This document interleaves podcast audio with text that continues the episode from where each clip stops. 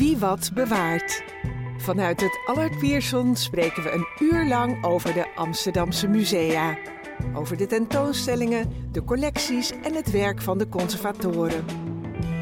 Wie wat wil weten over kunst en cultuur in Amsterdam, luistert naar Wie wat bewaart. Een wekelijks programma van Amsterdam FM in samenwerking met het Allard Pierson. Vandaag presenteert Jeroen de Vries. Ja, welkom bij de uitzending Wie wat bewaart. Vanuit de studio aan de Oude Turfmarkt.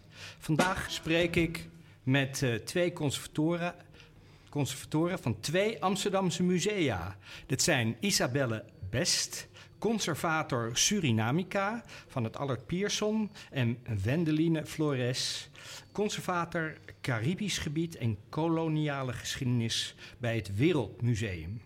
Nou, we gaan het hebben over hoe beide musea omgaan met ons verleden. En dan gaat het hier voornamelijk om het koloniale verleden. Uh, beide hebben meegewerkt aan de tentoonstelling Onze koloniale erfenis, die te zien is in het Wereldmuseum Amsterdam. Nou, welkom. Dankjewel, Jeroen. Ja, leuk dat jullie er zijn. Isabel, ik begin bij jou. Uh, kan je wat over jezelf vertellen? Ja, zeker. Dankjewel, Jeroen. Ook voor de uitnodiging. Um, ik ben in april 2023 begonnen als junior curator van de Surinamica-collectie bij het Allard Pierson. En uh, daarvoor was ik niet per se bezig met uh, de museale wereld. Ik uh, heb mezelf gespecialiseerd in Latijns-Amerika-studies en daarna ben ik religiewetenschappen ingegaan. Waar ik mezelf eigenlijk al heel snel interesseerde voor meer de materiële kant van religie beoefenen. En uh, via die weg kwam ik terecht bij het uh, Wereldmuseum, voor, voorheen het Tropenmuseum hè, hier in Amsterdam. Ja. Um, en zodoende uh, ben ik in de museumwereld terechtgekomen. Eigenlijk ook wel grappig dat we hier nu met z'n tweeën zitten, Wendeline en ik. Want Wendeline was degene die mij aanspoorde om hier te solliciteren. Dus zo komt alles wel heel erg leuk ja, bij elkaar. Komt alles bij elkaar. Mm. En uh, nou, wat een mooie weg uh, trouwens die, die je hebt afgelegd uh, tot hier. Mm. Want studie van religie, wat, wat, wat houdt dat in? Ja, het houdt heel veel in. Het is een vrij multidisciplinaire wetenschap, omdat je eigenlijk op allerlei verschillende manieren naar het object van studie kan kijken. En dat is dan religie. Um, voor mij is het erg interessant hoe mensen uh, religie beoefenen, hoe ze dat doen uh, op een lichamelijke manier. Dus met wat voor materialen ze bezig zijn om die religie te beoefenen. Um, en dus zijn musea daarvoor wel een uh, leuk ingangspunt, omdat je daar vaak materialen tegenkomt waarmee mensen religies beoefenen. Bijvoorbeeld hier in het Allard Pierson en in de Surinamica-collectie vind je verschillende bijbels. Um, verschillende religieuze uh, zang uh, opgeschreven in verschillende publicaties. Maar in het Wereldmuseum heb je meer etnografische um, objecten waar mensen hun religie en spiritualiteit mee uitoefenen. Uh, dus zodoende. Ah, nou, heel uh, interessant. Ja, ik had het nog nooit van gehoord. Dus dat is. Uh, ja, je hebt tegenwoordig heel veel verschillende studies met andere namen dan wat vroeger was. Tenminste, in mijn tijd, laat ik het zo zeggen. Um, maar wat, wat, is, wat doet een wat is Surinamica? Wat is, de, wat is dat? ja, Surinamica, dat is eigenlijk um, de titel die uh, dus aan de Surinamica-collectie is gegeven toen uh, die thematisch werd verzameld. Uh, en dat is eigenlijk wel een bijzonder verhaal, want je hebt bij het Allard Pierson enorm veel verschillende collecties. Collecties die door schenkingen binnenkomen of waar actief op wordt verzameld. Uh, en eigenlijk is de Surinamica-collectie ontstaan vanuit een soort inventarisatie van titels binnen de al bestaande collecties van het Allard Pierson um, op het thema Suriname. Dus in de jaren negentig is er een onderzoeksproject um, uitgevoerd waarbij ze eigenlijk een soort van inventarisatie zijn gaan maken van wat voor uh, titels er uh, binnen het Allard Pierson lagen die um, gepubliceerd zijn in Suriname of gepubliceerd door Surinamers um, of inhoudelijk gaan over Suriname. Dus Surinamica is eigenlijk een soort ja, indicator van die thematische collectie die eigenlijk um, alle uh, herkomstcollecties van het Allard Pierson overstijgt. En waarom zijn ze in de tijd aan dat thema begonnen? Weet je dat? Ja, um, het IBS, dus het Instituut ter Bevordering van de Surinamistiek, uh, die heeft volgens mij in 1989 um, eigenlijk een, een vraag bij alle musea of cultuurinstanties in Nederland neergelegd. Om dus zo, uh, zodanig Surinamica in kaart te brengen. Um, en ja, naar aanleiding daarvan zijn mensen van de UvA op vrijwillige basis gaan kijken uh, naar wat er hier eigenlijk lag. En nu is het een thematisch onderdeel van het uh, Allard Pierson. Ja, ja, zeker. Dus sinds die tijd, in, uh, in 1995, is er de, toen naar aanleiding van dat uh, onderzoek een catalogus gepubliceerd. En daar stonden ongeveer 8000 titels in. dan wel voornamelijk de gedrukte werken. Dus dan kan je het hebben over kaarten, boeken, maar ook foto's. Um, uh, en die, die, die, die kerncollectie eigenlijk, die zijn we nu weer aan het herzien. Want gedurende de 30 jaar uh, sinds, sinds dat project um, is er eigenlijk niet heel veel mee gebeurd, omdat er nooit een conservator op is gezet. Er zijn hier en daar wel wat initiatieven geweest om uh, tentoonstelling, tentoonstellingen te ontwerpen met de Surinamica-collectie. Um, er is ook één groter digitaliseringsproject geweest samen met de KB. Maar verder is er nooit echt in de gaten gehouden hoe die collectie is veranderd door de jaren heen. En dat is wat we eigenlijk nu aan het doen zijn. En hoe is die dan veranderd? uh, ja, we zien dat er door de tijd heen best wel wat uh, objecten of titels zijn gedeselecteerd. Um, misschien omdat mensen het niet meer relevant vonden om uh, hieronder te brengen. En dan heb ik het voornamelijk over proefschriften. Um, maar aan de andere kant, zoals we uh, net voordat de uitzending begon uh, ook al zeiden, hè, hebben we hier bij het Allard Pierson ook de um, collecties van het TIN, van het Theaterinstituut Nederland. En die zijn uh, pas later in de 21ste eeuw um, hier ondergebracht. Ja. En daar vind je dus ook heel wat objecten die eigenlijk een heel ander soort materiaal zijn, namelijk meer muziek, theater. Um, et cetera, die eigenlijk ook tot de thematische collectie Surinamica behoren, omdat ze thematisch misschien door Surinaamse makers zijn gemaakt of inhoudelijk over Suriname gaan. Ja, dat is, ja, in die 30 jaar zal er wel ook veel uh, veranderd zijn en veel aan Mm. worden toegevoegd. En inderdaad, Allard Pierson, of eigenlijk bijzondere collecties, die hebben ontzettend veel verschillende dingen natuurlijk. Dat, dat snap ik. Dus dat moet jij allemaal doorspitten. Ja, eigenlijk wel. dus uh, ja, een grote taak is om weer een beetje overzicht te krijgen van wat er nou wel is en wat er niet meer uh, is. En ook wat er qua conceptuele afbakening uh, is veranderd. Want in de jaren negentig uh, lag de nadruk meer op het samenstellen van een soort bi biografie, bibliografie van Suriname. En nu ook met de recente excuses en zo. Um, merk je dat er ook een bepaalde maatschappelijke interesse is om meer te weten over Suriname, over de geschiedenis tussen Suriname en Nederland. Um, dus, dus hoe neem je ook dat soort vraagstukken mee in het herzien van die collectie? Ja, onze ja. koloniale geschiedenis dus. Ja, ook. dan gaan we inderdaad naar onze koloniale geschiedenis ja. toe. Ja. Want uh, um, hoe, hoe gaat het uh, Allard Pierson daarmee om met die uh, koloniale geschiedenis? Nou ja, aan de ene kant zou je kunnen zeggen dat uh, mijn aanstelling daar wel een, een, een soort manifestatie van is. Um, april 2023, dus dat is ook rond uh, Ketty Kotti hè, in oh, ja. juli. Um, ja, is het Allard Pierson toch wel gaan nadenken van... Hé, we hebben 30 jaar geleden een Surinamica-collectie um, afgebakend. Daar maar zat daar nooit een niet... conservator op? Nee, er zat geen conservator op. Er waren wel mensen die hier, die hier werkten en mee hadden geholpen ook aan het project... en geïnteresseerd waren in het thema die verschillende initiatieven in hebben gezet. Uh, maar het is nooit systematisch of structureel uh, ja, uh, in de gaten gehouden, zeg maar.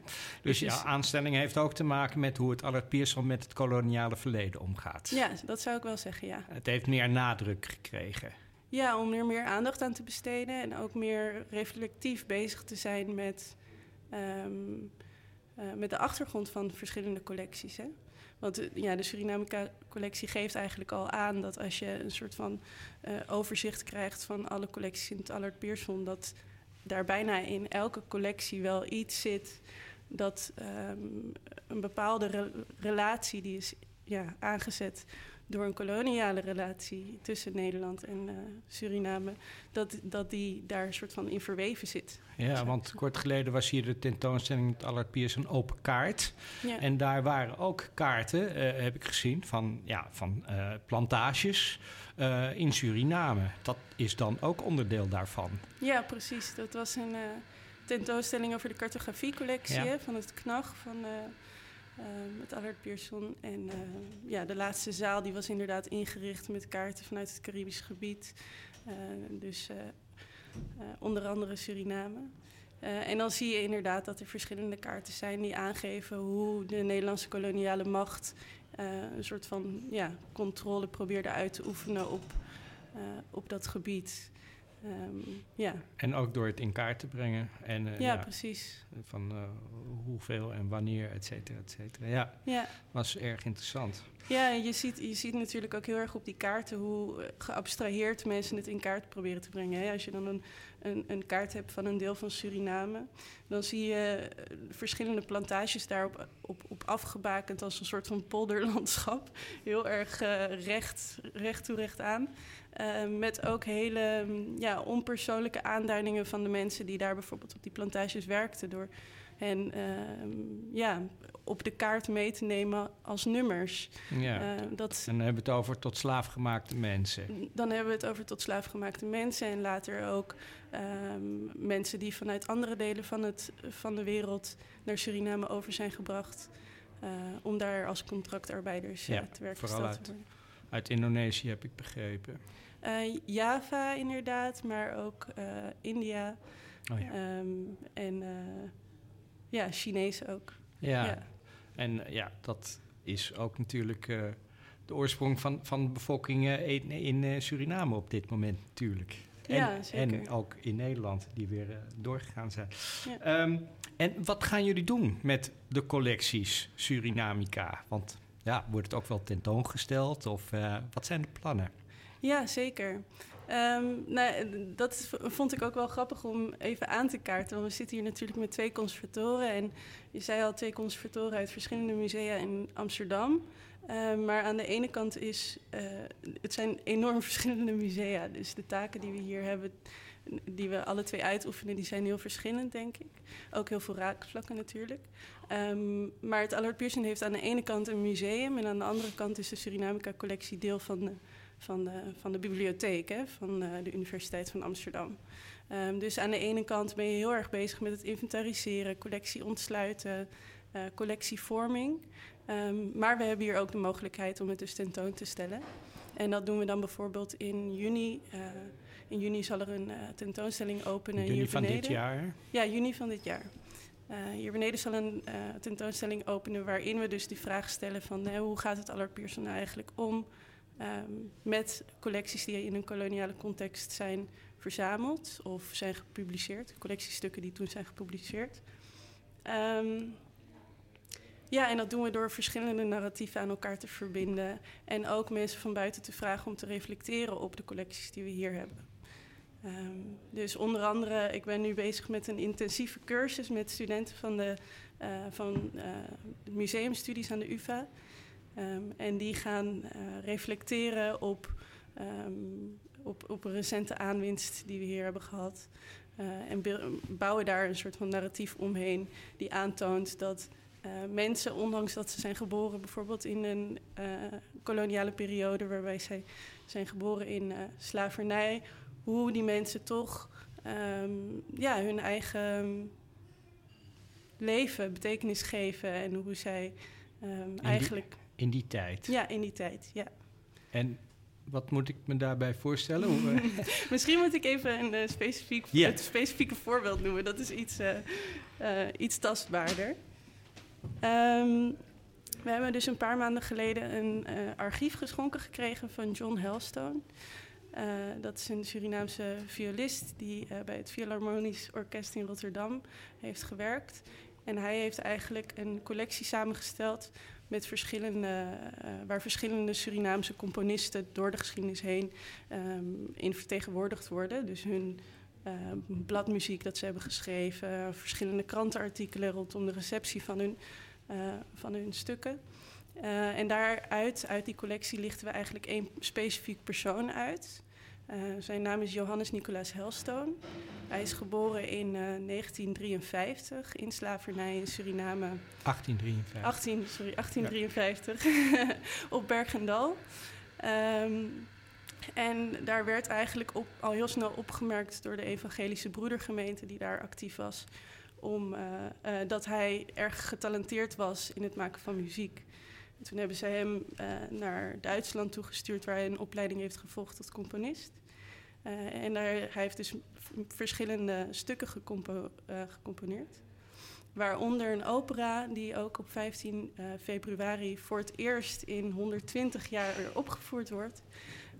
Dus de studenten zullen reflecteren op zijn leven, op zijn biografie, op wat het nou betekent dat um, zo iemand zo succesvol is geweest en ook erkenning heeft gekregen voor zijn werk. Uh, maar aan de andere kant um, ook he, zijn stukken voor het laatst in 1906 zijn uitgevoerd. En dat er nu pas weer aandacht aan wordt gegeven. Ja, en waar wordt dat opgevoerd? Uh, in het concertgebouw. Oké. Okay. Ja door het Concertgebouworkest. Oh, wat bijzonder. Ja, heel bijzonder, ja. Nou, oké. de, de, uh, nou, je, je, hebt ook uh, meegewerkt aan de tentoonstelling uh, Onze koloniale erfenis van het Wereldmuseum Amsterdam. voorheen Tropenmuseum, ik noem het maar even, maar we zullen het straks nog wel even over hebben, omdat het zo'n begrip is in Amsterdam. Um, ik ga even naar Wendeline toe. wie is Wendeline Flores? Kan je wat over jezelf vertellen? Ja, zeker. Um, ja, ik ben eigenlijk uh, opgeleid als historica, uh, geschiedenisgestuurde in Amsterdam. Uh, en ook tijdens mijn studie, daar moet ik, moet ik altijd aan denken als ik dan Isabel weer hoor praten. tijdens mijn studie ook door um, eigenlijk een stage erachter gekomen dat ik heel graag de museumwereld in zou willen. en heb dus destijds stage gelopen in het Tropenmuseum. Mm. Um, en ik ben uh, uh, ja, uiteindelijk na mijn afstuderen ook heel erg op zoek gegaan naar mogelijkheden om, uh, om weer daar eigenlijk te komen werken. En de afgelopen vijf jaar ben ik conservator Caribisch gebied en koloniale geschiedenis geweest bij het Wereld, Wereldmuseum, hè, zoals we nu heten, met vier locaties. en heb ik dus onder andere gewerkt aan de tentoonstelling Ons Koloniale Erfenis. Ja, uh, die nu te zien is in, in, Absoluut, in Amsterdam. Um, even toch even naar het uh, Wereldmuseum, even naar de naam. Het heet nu Wereldmuseum. Um, van waar deze naam, van waar deze naamswijziging eigenlijk? Ja, ja, je zou kunnen zeggen dat we echt naamswijziging en ook echt wel in een uh, rebranding uh, zitten. Afgelopen jaar natuurlijk al gestart, maar nou ja, zoals je zelf al aangeeft, hè, we zitten er nog in. Want Tropenmuseum was gewoon echt wel uh, en is een begrip. Uh, dus men moet eraan wennen. Um, maar wat eigenlijk ja, is het iets wat er toch al best wel lang zat aan te komen. De, de musea uh, die onder Wereldmuseum vallen, dus dat zijn ook vier locaties eigenlijk, waarvan Amsterdam er één is. Uh, hebben een bepaalde geschiedenis die ze met zich meebrengen. En voor Amsterdam geldt dat het museum uh, begonnen is als het Koloniaal Museum, uh, bijna 100 jaar geleden inmiddels. En vervolgens werd er midden van de vorige eeuw heel erg nagedacht van ja, koloniaal museum. met de onafhankelijkheid van Indonesië is die term toch niet helemaal meer correct. Waar willen we naartoe? Het heeft heel kort nog uh, Indisch Museum geheten. Maar eigenlijk vrij snel daarna, de hele tweede helft van de vorige eeuw, Tropenmuseum. Alleen die naam was wel heel erg gekoppeld aan enerzijds ontwikkelingssamenwerking, waar ook het Koloniaal Instituut voor de Tropen, Koninklijk Instituut voor de Tropen mee bezig was. En waar het ook heel erg mee samenhing, is dat het heel erg gefocust was in de tentoonstellen op verschillende regio's, maar alles behalve Europa. Uh, dus alle andere uh, landen uh, en, en werelddelen, dat je kon zien hoe die, ja, dat je die eigenlijk kon ervaren daar. en hoe we er nu en eigenlijk toch al wel een tijdje tegenaan kijken, is dat Tropenmuseum en het hebben over de tropen en het beetje ja, een connotatie van exotisch heb ik daar dan ook gelijk bij. Um, ja, dat dat toch die naam ook al een aantal jaren bij ons toch niet meer aansluit bij de missie en visie van het museum. En ja, daar is dus best lang over, over nagedacht en gepraat. Hoe zou het dan wel moeten zijn? En uiteindelijk um, is er gekozen voor Wereldmuseum. Betekent dat jullie ook uh, uh, voorwerpen of dingen uit, uh, uit Europa tentoonstelling? In principe hebben we die ook wel in de collectie, maar het is uh, nooit echt de focus geweest. Het is heel lang gefocust op de zogenaamde ander. Um, maar zeker de laatste decennia en ook als je steeds meer gewoon uh, in Nederland ook begint te verzamelen, hè, ook kunstenaars die gewoon hier gevestigd zijn, uh, dan, ja, dan is die, die blik toch heel erg aan het veranderen. Ja, dus ja, meer wereld, meer over alles. Ja, ja een wereldburgerschap. Wereldburger, ja. ja. En misschien ook wel de um, diaspora-gemeenschappen die nu in Nederland wonen, maar wel uh, ergens anders vanuit gemigreerd zijn. Ja, ja. overal eigenlijk. Ja, ja, die dan eigenlijk ook iets zeggen over het leven in Nederland. Ja. Um, vanuit de cultuur die ze meebrengen. Ja, dus in die zin kan je ook zeggen dat... Uh, uh, de verschillende culturen die, die we in Nederland nu lang, uh, kennen, dat die daar ook uh, ja, belicht kunnen worden. Ja, absoluut. En ook dat we gaan inzien dat die culturen ook Nederland vormen. Mm -hmm. En niet meer buiten Nederland en buiten Europa staan, maar gewoon uh, integraal onderdeel zijn van wie wij zijn. en dat we dat heel graag ook willen, willen laten zien aan mensen. Dat dat, dat dat, ja, de wereld is groot en divers, maar de wereld is ook heel dichtbij. Ja, want dan gaan we even naar de tentoonstelling uh, toe, onze koloniale erfenis. Uh, um, kan je daar wat over vertellen? Hoe is die eigenlijk ontstaan? Ja, ons koloniale erfenis, we zeggen steeds, uh, dat is eigenlijk een semi-permanente tentoonstelling. Hij staat er nu, maar hij staat er dus ook al sinds juni 2022. En hij zal er zeker zeven jaar blijven staan. En het is een beetje het sluitstuk van de herinrichting van het museum. Dus op het moment dat je een herinrichting doorgaat, dat is best wel een, een groot uh, project en ook een langdurig project. En je zou kunnen zeggen dat we uh, nu een vaste opstelling hebben die uit drie tentoonstellingen bestaat. Eén daarvan is Things That Matter. Die staat er nu sinds 2017. Met hele, ja, eigenlijk voor iedereen relevante vragen die in paviljoens worden beantwoord. Um, en dan hebben we in 2019 What's the Story uh, daaraan toegevoegd wat je zou kunnen samenvatten als de veelgestelde vragen die mensen, bezoekers hebben over het museum. Hoeveel objecten zijn er? Um, wat is er eigenlijk geroofd? Um, wat is de verdeling uh, waar objecten vandaan komen? Al dat soort vragen. Uh, en als sluitstuk, maar ook wel als grootste uh, tentoonstelling van de vaste opstelling, ons koloniale erfenis. En dat idee was er zeker al in 2017. Uh, want ik weet toen ik aangenomen werd, wist ik ook dat ik de, dat als project zou gaan uh, krijgen. Maar heeft zich uh, ja, toch over de loop van zo'n vijf jaar, zou je kunnen zeggen, ontwikkeld tot wat er nu staat. Dus je bent er al vijf jaar mee bezig? ja, ja, en we blijven er ook mee bezig. Dat is het leuke. Het is een tentoonstelling. bij sommige tentoonstellingen merk je toch al van, nou ja, als je er eenmaal staat, dan heb je misschien daarna, ben je er nog een beetje mee bezig en dan ga je door naar het volgende project. Maar we hebben het wel heel erg ingestoken als um, een vaste opstelling die dynamisch is, die we willen blijven updaten. En een vaste opstelling die meer is dan een tentoonstelling, maar ook echt een project is. Dus ook een nou ja, publieksprogrammering die meerdere jaren natuurlijk loopt. Uh, uh, een publicatie die we erbij uh, hebben uitgegeven. Um, ja, echt eigenlijk een soort van groter platform willen creëren. Uh, dus uh, ondanks dat die nu al enige tijd open is, uh, ben ik er nog ja, wekelijks mee bezig. Ja, want kan je iets vertellen over de tentoonstelling? Wat, wat, wat moet ik me daarbij voorstellen? Ja, ja, het zit dus deels natuurlijk de uitleg in, uh, in de titel Ons koloniale erfenis. We hebben nog een tijdje met de werktitel De Erfenis uh, gezeten, waarvan wij dachten, nou dat is dan echt duidelijk. Uh, maar uiteindelijk wilden we heel graag dat de titel reflecteert op enerzijds dus het gaat over de koloniale geschiedenis, dat snap je wel. Ehm, maar onze, het woordje onze, uh, richt zich enerzijds op de institutionele reflectie. We willen mensen vertellen over de, de erfenis letterlijk die het museum heeft van het kolonialisme. Maar onze is ook echt de gehele samenleving. En zowel nazaten van uh, uh, gekoloniseerde mensen als misschien nazaten van de kolonisator. En we willen heel, heel graag dat het voelt als een hedendaagse tentoonstelling. Dus ja, je leert over de koloniale geschiedenis. Maar belangrijker is dat je leert hoe dat een rol speelt in het heden van, van ons allemaal.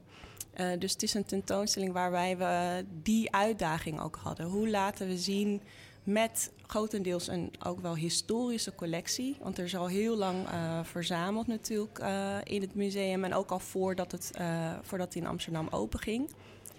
En tegelijkertijd moet het hedendaags voelen.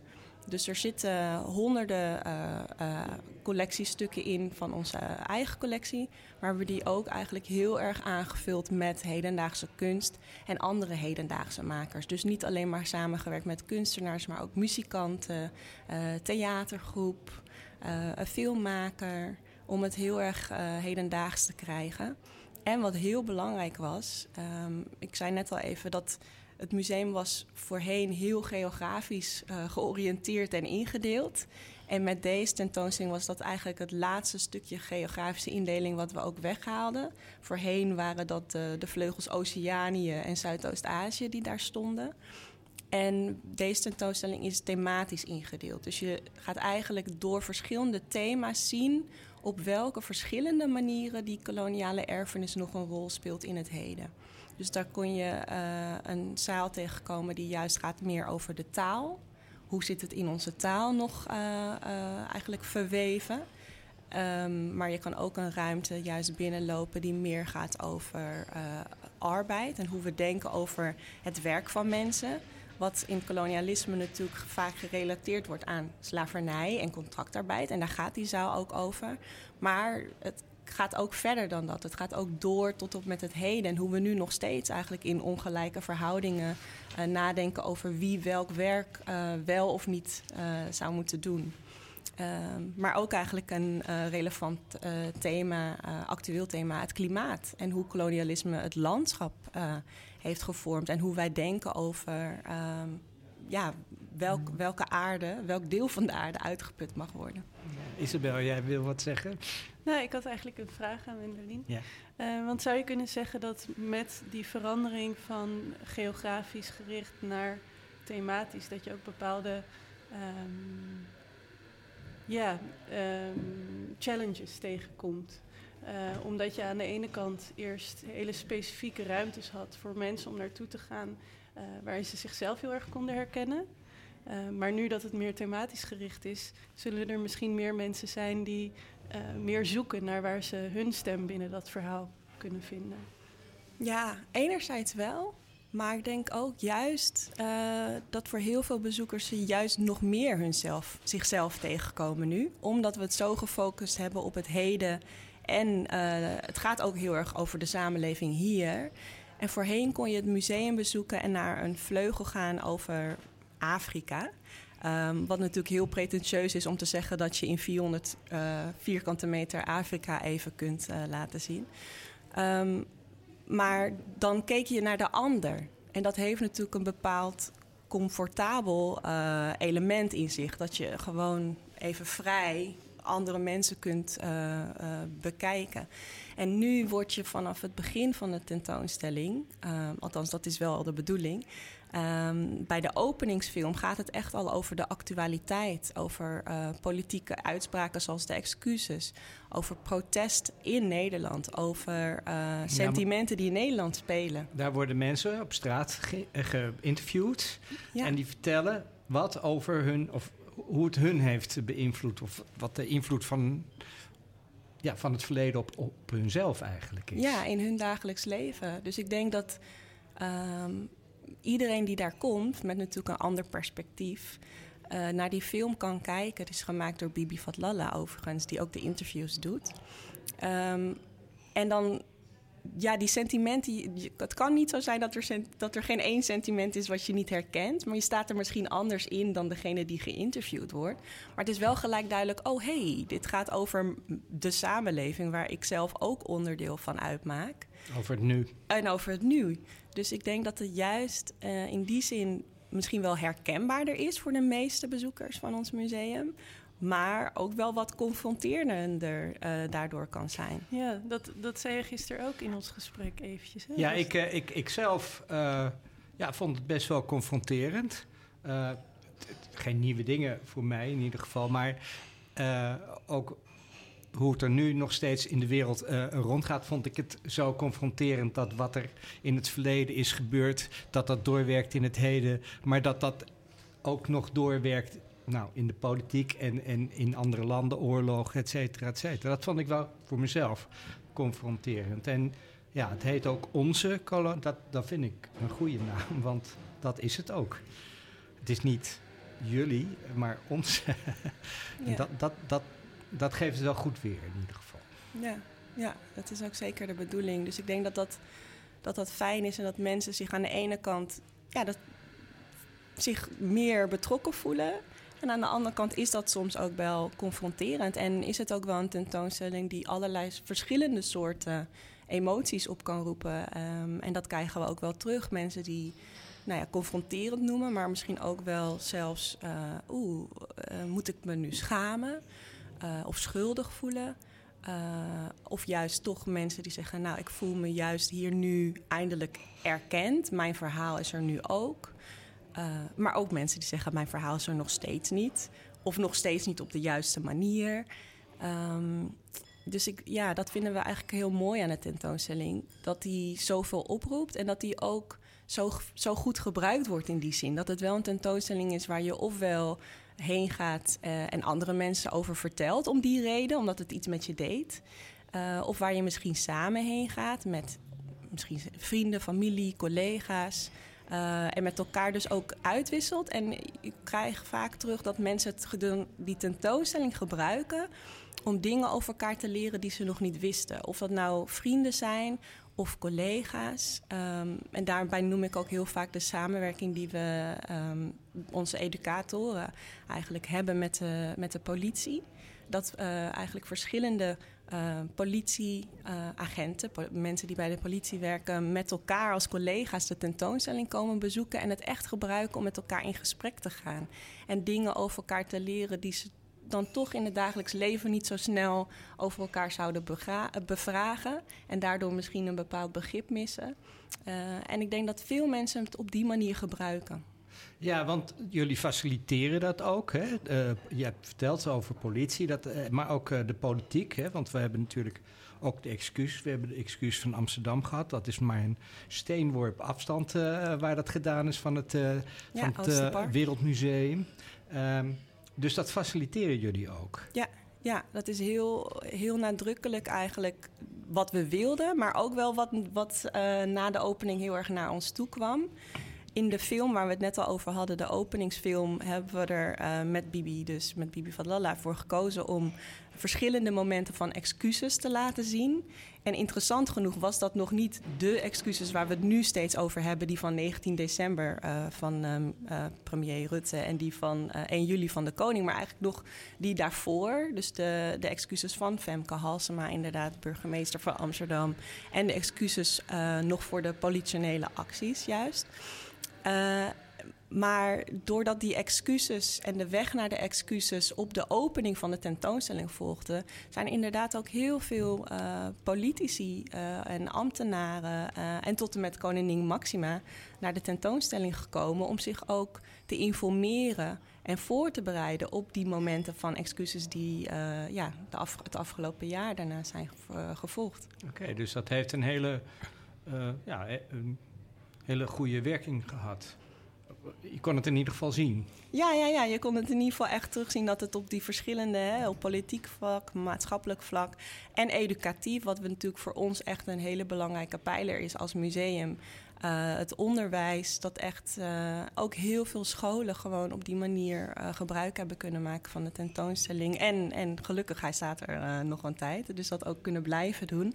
En daarom is het ook natuurlijk belangrijk dat wij wel die actualiteit ook ja, in de gaten houden en kijken waar we uh, misschien wel ook aanpassingen moeten doen. Ja, dus betekent ook dat sommige dingen aangepast wordt, films of weet ik niet. Ja, op dit moment hebben we vorige. Wat er was natuurlijk gelijk toen de excuses plaatsvonden. Uh, dat mensen zeiden: Oh, nou, dan moet je die excuses toevoegen aan de film. Maar eigenlijk is dat in heel veel gevallen toch niet per se nodig. Want dat idee met de, de excuses die er al in zitten, dat, dat is eigenlijk spreekt je gelijk aan. Het refereert alsnog aan die excuses die daarna gevolgd zijn.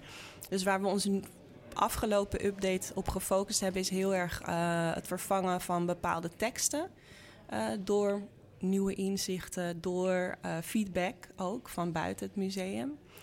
Um, en, het aan, en het eigenlijk toevoegen van een aantal verhalen. En dat is misschien een mooi bruggetje naar ook de tijd dat Isabel en ik hebben mogen samenwerken in het museum. Omdat we eigenlijk bij de opening al uh, uh, feedback natuurlijk kregen. Hè. We hebben natuurlijk ook feedback in het hele maakproces heel veel gevraagd en meegekregen. Maar een van de opmerkingen die we kregen kwam vanuit de inheems Surinaamse gemeenschap in Nederland. Uh, en toen dachten we, nou daar willen we graag over in dialoog.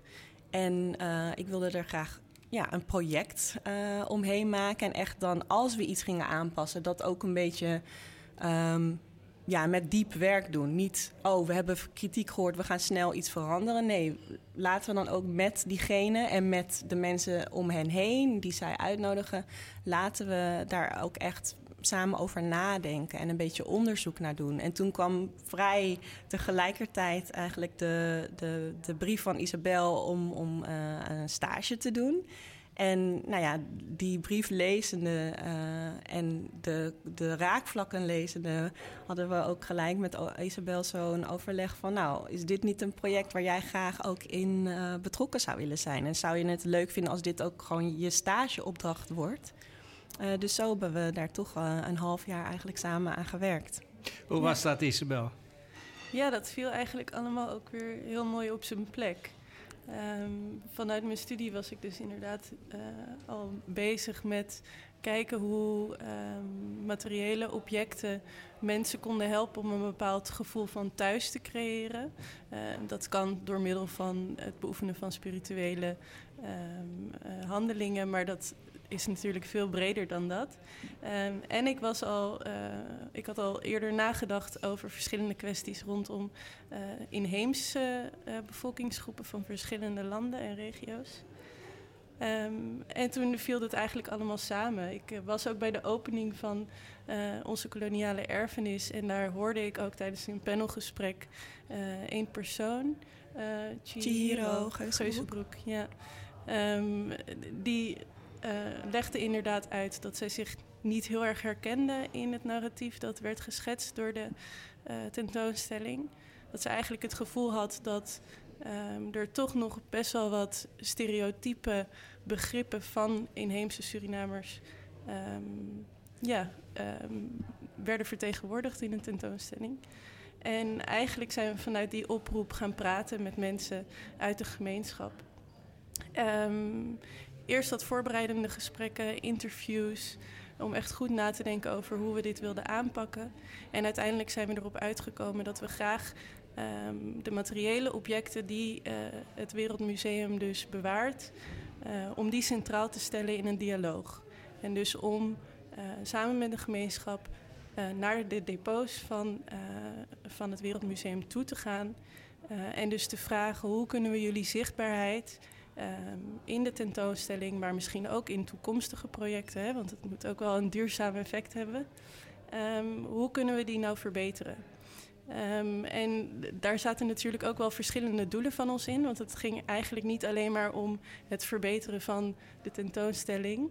Ehm, maar het was ook een gelegenheid om de gemeenschap eigenlijk voor te stellen aan de enorme collectie die er bestaat in het, uh, in het museum.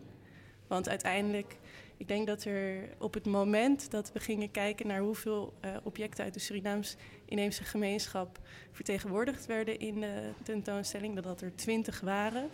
En er meer dan 5000 objecten zijn in de depots um, die, die zo'n functie zouden kunnen innemen. Uh, dus het was ook een manier om de gemeenschap voor te stellen aan hun erfgoed. Um, en daaromheen een vrij open en transparant gesprek te voeren. Ja, want inheems, dat zijn de oorspronkelijke bewoners van, uh, van Suriname. Hè? Voor de mensen die niet precies weten wat inheems is. Of ja. wat dat betekent in, de, mm -hmm. in dit zin. Um, die heb je ook, ja, ik zal er ook niet zo snel uh, aan denken. Dat, dat, dat is natuurlijk zo. Hè. Het gaat inderdaad vooral over de koloniale erfenis. Zij waren er al eerder natuurlijk. Mm -hmm. um, maar er zijn maar twintig objecten van, uh, van de inheemse gemeenschap in het DP. Klopt dat?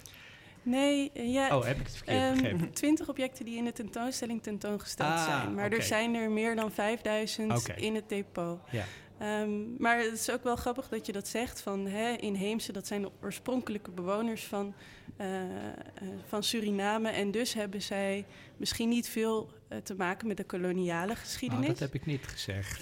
Of in ieder geval, omdat zij er daarvoor waren, Ja. is het misschien minder voor de hand liggend om hen mee te nemen in een tentoonstelling die de koloniale geschiedenis van Nederland verhaalt. Ja. Um, en dat is natuurlijk eigenlijk, um, nou ja, de, de, zij, hebben, zij zijn natuurlijk door het komen van de koloniale mogendheden in Suriname heel erg beïnvloed in de manier waarop hun leven daarna uh, ingevuld werd. En Ja.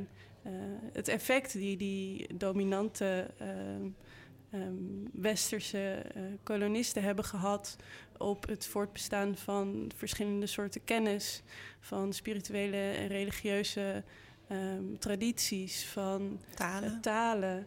Ja, dus, dus eigenlijk is het ook wel juist een verhaal dat je moet vertellen. En dat is denk ik ook wel heel mooi begonnen. Want ik uh, zag dat jullie in het promotiebericht een uh, foto hadden uitgekozen van onze koloniale erfenis. En daar zie je eigenlijk heel mooi, het was het, het eerste wat je ziet nadat je het promotiefilmpje uh, hebt gezien, of het, het, het, openingsfilmpje. Dan loop je eigenlijk de ruimte um, winstgevende handel, maar voor wie in. En het eerste wat je ziet is een enorme Wayana Olok, een hoofdtooi, um, die, uh, die in Suriname bij de inheemse bevolking is uh, verworven. Uh, en daarmee zeg je dus ook eigenlijk hè, van zo'n koloniale, zo'n koloniaal project kwam niet in een regio terecht, in een soort leegte. Daar woonden mensen en mensen hadden een enorm rijkdom aan um, ja, maatschappijen met talen en kennis en onderlinge handelsrelaties, et cetera. Um, ja. Is die hoofdtooi toegevoegd uh, naar aanleiding van het project of was die er nee nog? hoor, nee, die, uh, die stond er al. Ja, die stond er zeker al. Ja, ik denk um, dat vooral wat, wat interessant is, uh, wat Isabel zegt, er was natuurlijk, was natuurlijk wel over nagedacht al. Uh, maar wat, wat voor ons heel waardevol was aan het project en aan de tijd en ruimte die we konden nemen om daar uh, ook na de opening in te duiken, is dat er bepaalde uh, dingen in de tentoonstelling op, bedoeld waren als representatie juist van dit verhaal, juist van de inheemse gemeenschap, juist inderdaad beginnen de meest centrale vitrine eigenlijk die je als eerste ziet gebruiken om te zeggen er, er waren uh, ja, inheemse gemeenschappen, oorspronkelijke bewoners, maar ook er waren al culturen, talen en netwerken. En eigenlijk ook ja, twintig objecten ongeveer. In elk van die thematische zalen waren er dus al verhalen. Um, maar als je dan echt dieper in gesprek gaat, dan merk je dat er of soms um, ja, toch een ander verhaal, uh, men toch een ander verhaal liever had gezien. Of bijvoorbeeld als we het over die, die Olok hebben, uh, dat wij um, ja, de, de ervaring hadden dat dit een heel belangrijk object is, wat het ook wel is. Maar dat toch het gevoel speelde in een deel van de gemeenschap van ja, het is belangrijk, zo'n Olok, maar het is ook een uh, vrij stereotyp beeld van hoe mensen kijken naar ons als inheemse gemeenschap. Het is toch al wel een voorwerp wat heel vaak, als mensen al iets weten over oorspronkelijke bewoners, inheemse gemeenschap, of wat mensen dan nog vaker uh, uh, Indianen zouden noemen, dan denken ze aan veren dan denken ze aan een hoofdtooi. En, een, en een pijl en boog. En een pijl en boog. Ja. Dus um, ja, dan, dan waren ze eigenlijk misschien juist niet blij met die keuze om dat zo prominent uh, te laten zien. Dus ik denk dat, dat dat is dan één voorbeeld van hele waardevolle inzichten. Um, en echt ja, met elkaar de tijd nemen om het daarover te hebben. En waar, waar zit het hem nou in? Het is niet zo dat het verhaal er niet was in de tentoonstelling. Maar toch, ja. Ja, en ik, uh, wat ik ook wel uh, meeneem uit het project is dat aan de ene kant inderdaad misschien net een ander verhaal um, ja, hun geschiedenis beter zou reflecteren. Maar uh, aan de andere kant viel het ons ook op dat binnen de uh, tentoonstelling er een hele duidelijke lijn liep over de Afro-Surinaamse gemeenschap. Um, ook uh, de Maronse gemeenschap. Namelijk de tot slaafgemaakte mensen die van plantages zijn gevlucht het binnenland in. En daar dus ook in aanraking kwamen met inheemse bevolkingsgroepen. Die natuurlijk ook bepaalde dingen hebben uitgewisseld daar. Dus met elkaar in contact stonden.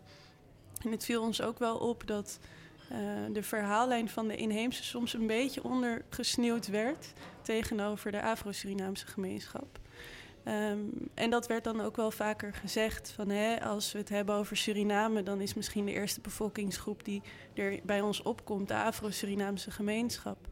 Um, er zijn natuurlijk na de slavernij ook verschillende andere bevolkingsgroepen bijgekomen en die worden dan ook belicht, zoals de contractarbeiders van verschillende delen van de wereld. Maar er waren ook al oorspronkelijke bewoners. En die hebben natuurlijk een, een, een, geschiedenis die aan de ene kant heel erg verwikkeld is, met onder andere de Maronse gemeenschap. Maar hij staat er ook heel erg los van.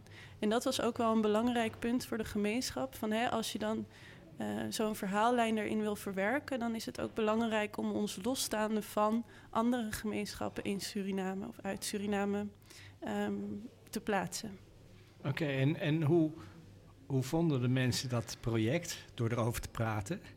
Hoe werd dat ontvangen? Ja, ik denk dat is wel een leuke vraag. Of nou ja, leuk en ook wel een belangrijke vraag, denk ik. Want um, het is natuurlijk niet de eerste keer dat musea naar gemeenschappen toe gaan om hen um, te vragen mee te denken over tentoonstellingen, et cetera. Er bestaat natuurlijk wel uh, ook met de koloniale geschiedenis van een instituut zoals het Wereldmuseum uh, een geschiedenis van uitbuiting, van misbruik, in contact met uh, verschillende groepen waarvan objecten zijn verworven. Dus aan de ene kant was er een soort terughoudendheid van hè, um, als we dan met jullie in zee gaan, wat willen jullie dan van ons? En um, um, gaan jullie dan wel met zorg om met, met ons contact? En daar hebben we ook wel echt heel erg geprobeerd op in te zetten. Van hoe gaan we dit goed doen? hoe kunnen we uh, best mogelijk uh, ons contact uh, vormgeven? En uiteindelijk zijn er echt hele positieve contacten uitgekomen en reacties uitgekomen. En we staan alle twee, denk ik, nog wel in contact met mensen die we tijdens het project hebben ontmoet. Dus ik zou zeggen dat uiteindelijk er zeker hele positieve reacties zijn gekomen. En dat het ook wel heeft gezorgd voor een soort van golf die door blijft gaan. Hè. Er, is een contact, er zijn contacten gelegd die we graag willen onderhouden. En ook mee willen nemen voor volgende projecten. Ja, en hebben jullie voor, de, uh, voor de, onze koloniale erfenis ook nog met andere groepen gepraat? Ja, ja, we hebben sowieso natuurlijk ook in het maakproces uh, met veel mensen gepraat en samengewerkt. En eigenlijk toen vrij specifiek ervoor gekozen om niet heel erg uh, mensen in een hokje van een gemeenschap te stoppen en als op zodanig zeg maar als klankbordgroep te gebruiken, maar veel meer te kiezen voor, uh, ja, je zou bijna kunnen zeggen thematische klankbordgroepen. Dus we hadden uh, meer academische adviesraad met iedereen met zijn eigen expertise daarin. Um, we hadden een um, educatieve, een onderwijsklankbordgroep, uh, zodat we van docenten en andere onderwijsprofessionals, hoeft niet alleen maar op school te zijn, konden horen wat ze belangrijk vonden. Um, we hadden een klankbordgroep die meer nadacht over toegankelijkheid in allerlei verschillende opzichten. Hoe kunnen we zorgen dat de tentoonstelling ook toegankelijk is voor mensen met een visuele beperking of met een uh, auditieve uh, beperking. Um, dus toen hebben we het zo eigenlijk heel erg zo ingestoken. En deels ook om te voorkomen dat je weer zegt: we gaan alle klankbordgroepen neerleggen bij de gekoloniseerde, de zogenaamde ander. Want we willen juist een tentoonstelling maken over iedereen. Want iedereen heeft te maken met deze uh, koloniale erfenis. Um, en we hebben daar ook een, dus wel een, een, hoe zeg je dat, een publieksklankbordgroep gehad. Uh, door eigenlijk mensen die wel al bekend waren met het museum als bezoeker. Um, online, want dat was ook tijdens uh, de pandemie dat we dat deden, te bevragen en dingen voor te leggen. Maar niet ge, afgebakend op specifieke uh, nou ja, culturele groepen of bevolkingsgroepen. Maar dat was dit wel. En dat was dit wel, maar, dat was maar omdat het van, de vraag ook kwam vanuit hen. Ja. Dus ja. ik denk dat dat voor ons een soort van, uh, nou legitimering wil ik niet zeggen, maar dat voor ons was van, oké, okay, omdat de vraag en de kritiek uh, vanuit een bepaalde gemeenschap komt, is dat wel een mooie aanleiding om te zeggen: Nou, dan gaan we ook echt daar even die, die uh, focus op leggen. Um, maar dat wil natuurlijk niet zeggen dat andere groepen allemaal zoiets hebben van: Oh, maar ik was perfect uh, vertegenwoordigd. Um, dus er, zit, ja, er zijn veel meer projecten die we op die manier zouden kunnen insteken. Ja, maar jullie zijn dus heel erg bezig met uh, interactiviteit bij het ontwikkelen van zo'n uh, tentoonstelling. Ja, en het, en, het, en het onderhouden ook eigenlijk van de tentoonstelling. Ook nu die er al best wel een tijd staat. Dat we toch ja, constant die, wat er staat ook kritisch blijven be bevragen zelf. Uh, maar ook met mensen die met wie we willen, ja, met wie we samenwerken of die bezocht hebben, uh, of mensen die juist ons heel erg bekritiseren. Ja, want je hebt net al verteld dat er uh, groepen zijn die, die erover praten met educatie, maar uh, bezoekers kunnen zelf ook reflecteren op het eind. Hè? Dat, dat, daar, ja. Je kan opschrijven wat, nou, wat je vindt eigenlijk, of hoe je er tegenover staat. Halen jullie daar ook dingen uit?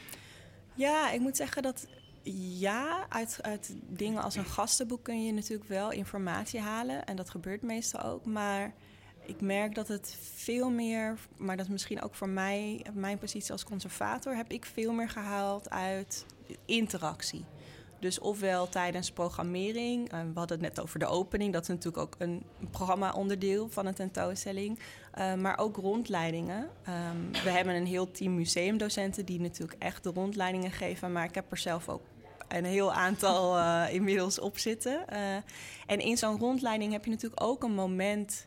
Uh, da waar, daar kun je de tijd nemen om van mensen te horen van... goh, wat vinden ze nou echt belangrijk?